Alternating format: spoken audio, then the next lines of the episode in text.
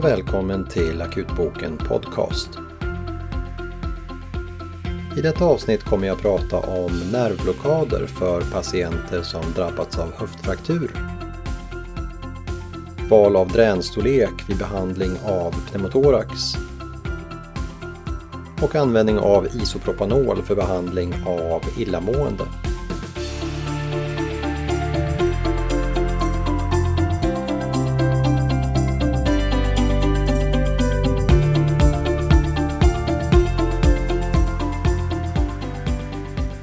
Höftfraktur är en vanlig diagnos på de flesta akutmottagningar och en viktig del i det akuta omhändertagandet är att se till att dessa patienter får en god smärtlindring tidigt då frakturen ofta gör rejält ont. Opioidanalgetika är här oftast förstahandsval för smärtlindring, även om patienterna som drabbas av höftfrakturer är äldre och har flera andra underliggande sjukdomar som tillsammans innebär att de har hög risk att få biverkningar av opioider. Ett bra komplement eller alternativ till opioider är här att använda en lokal nervblockad för smärtlindring.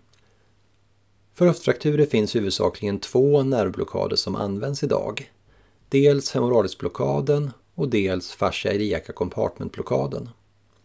Femoralisblockaden innebär att lokalanestetika läggs direkt angränsande femoralisnerven och fascia blockaden innebär att lokalbedövning injiceras under fascia iliaca lateralt om femoralisnerven där den sedan diffunderar under fascian för att bedöva både nervus femoralis och nervus cutaneus femoralis lateralis. De studier som jämför femoralisblockad och fascia blockad är relativt små och visar sammantaget ingen säker skillnad i effekt mellan dessa nervblockader avseende varken effekt eller risk för komplikationer. Den teoretiska fördelen med fascia iliaca compartmentblockad är att injektionen ges längre ifrån femoralisnerven och de stora kärlen, vilket skulle kunna minska risken för nervskada av injektionen eller oavsiktlig intravasal injektion av lokalbedövningen. Under 2018 publicerades en systematisk review om fascia blockad som omfattade 11 studier med totalt cirka 1100 patienter. Denna artikel visade att blockaden lyckades i drygt 90% av fallen och att blockaden hade bättre smärtlindrande effekt än behandling med opioider.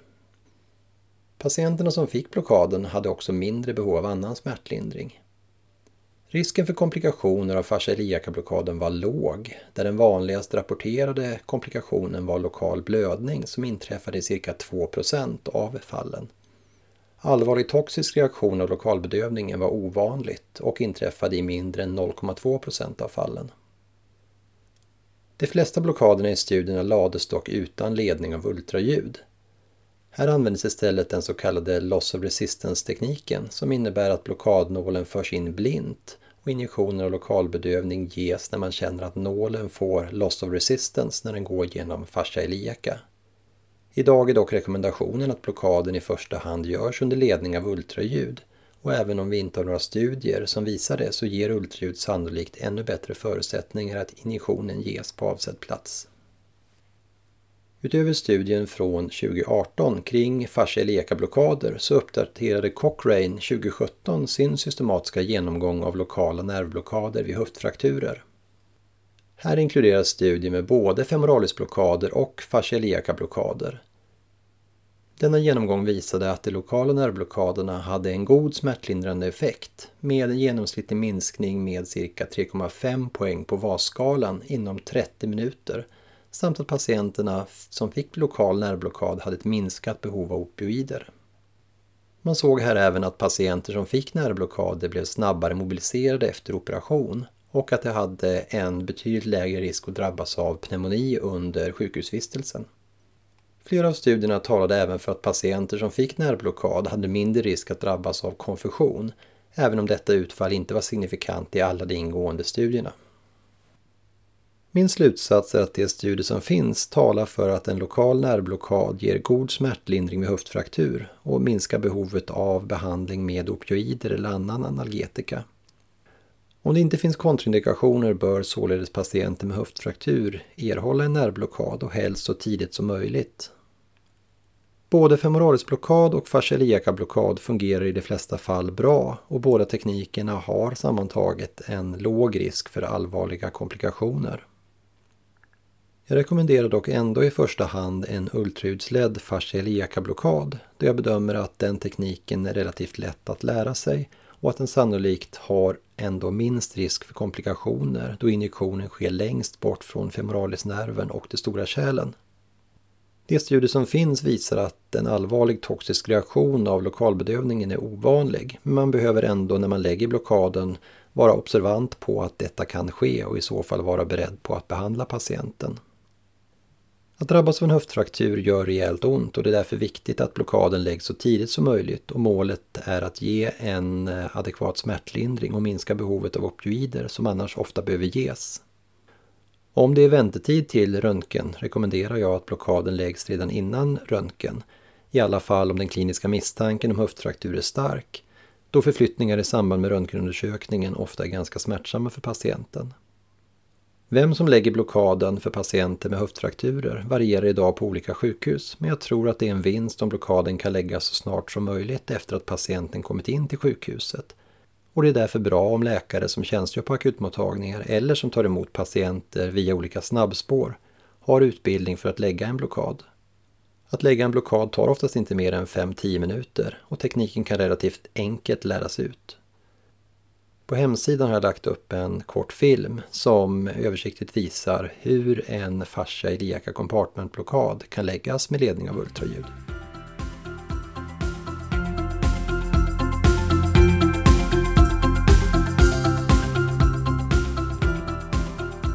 När vi väljer att behandla patienter med pneumotorax med drän så används flera olika typer av drän utan någon klar evidens om vilken typ av drän som är att föredra. Under 2018 kom dock en ny metaanalys av 11 studier med totalt cirka 900 patienter där man tittat på användningen av tunna pigtailkatetrar eller traditionella grövre drän för behandling av pneumotorax.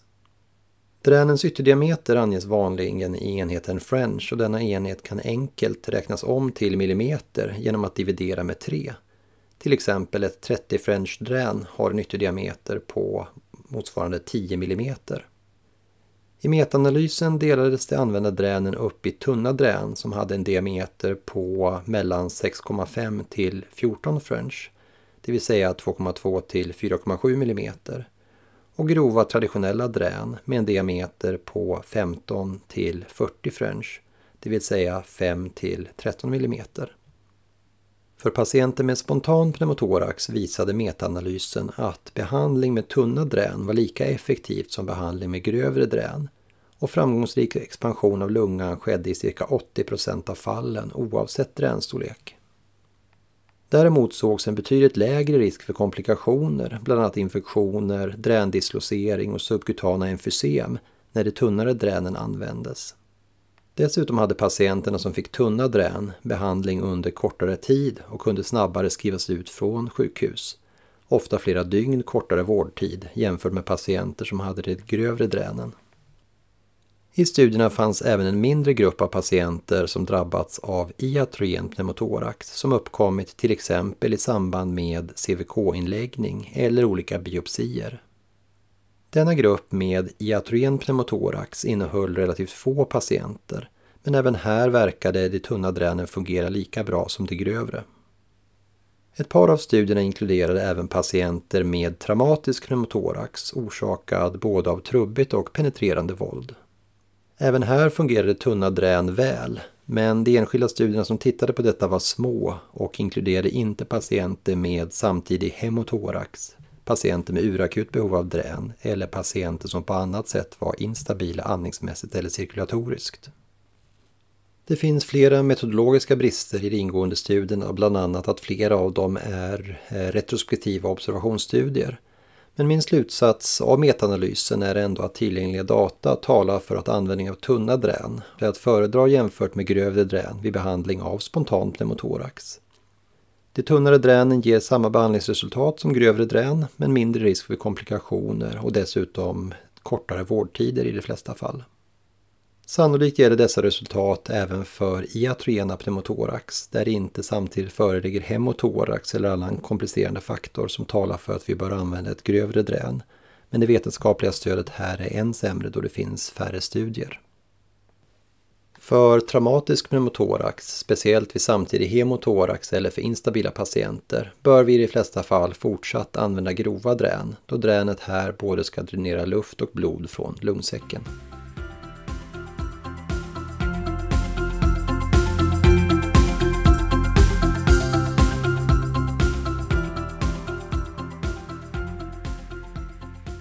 Illamående och kräkning är vanliga symptom på akutmottagningar och ofta önskar här patienterna behandling som minskar dessa symptom. Både metoklopramid, alltså Primperan, och ondansetron, Sofran, har vid vissa tillstånd som till exempel illamående efter kemoterapi mycket god antiemetisk effekt, speciellt när det ges förebyggande. Däremot har det visats att dessa läkemedel har en begränsad effekt för behandling av akut illamående och kräkningar orsakat av olika sjukdomstillstånd som patienter som söker till akutmottagningar har. Och det finns även flera studier som talar för att både metoklopramid och onacetron inte är bättre än placebo för denna patientgrupp.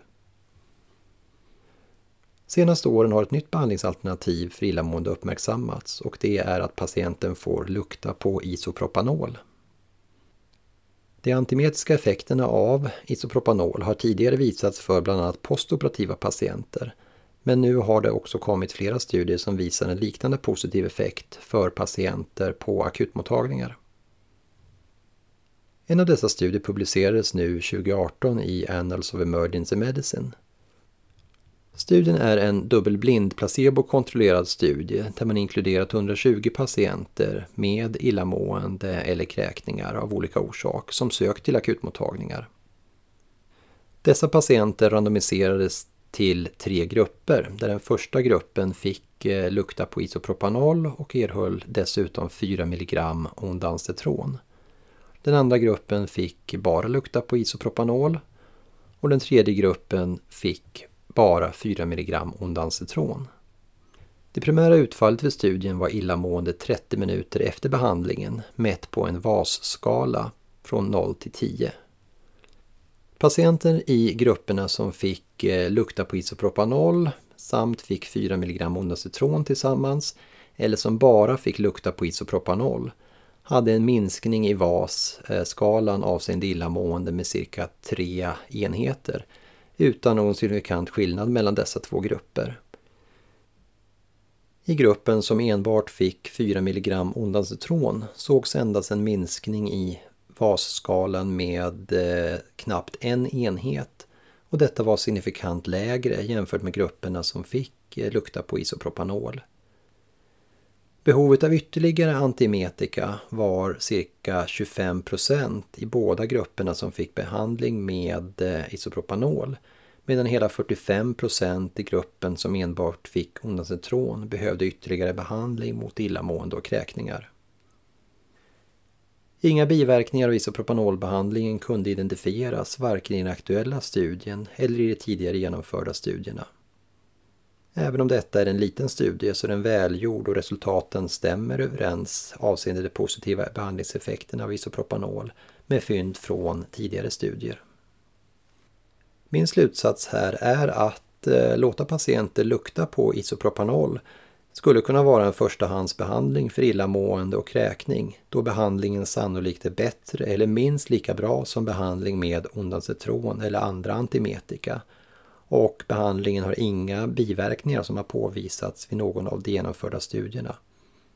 Dessutom visar den aktuella studien att endast en fjärdedel av patienterna som fått lukta på isopropanol behövde ytterligare någon behandling mot illamåendet och kräkningarna.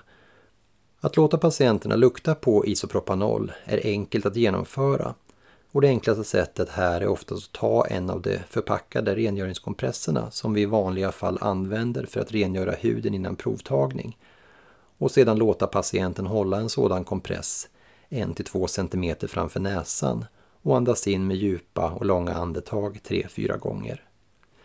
Behandlingen kan även upprepas igen här om patienten upplever effekt av behandlingen. Innan du provar detta bör du dock dubbelkolla att den kompress du tänker använda är förbehandlad med just isopropanol, då det finns vissa kompresser som är förbehandlade med andra desinfektionsmedel. Detta var allt i avsnittet denna månad.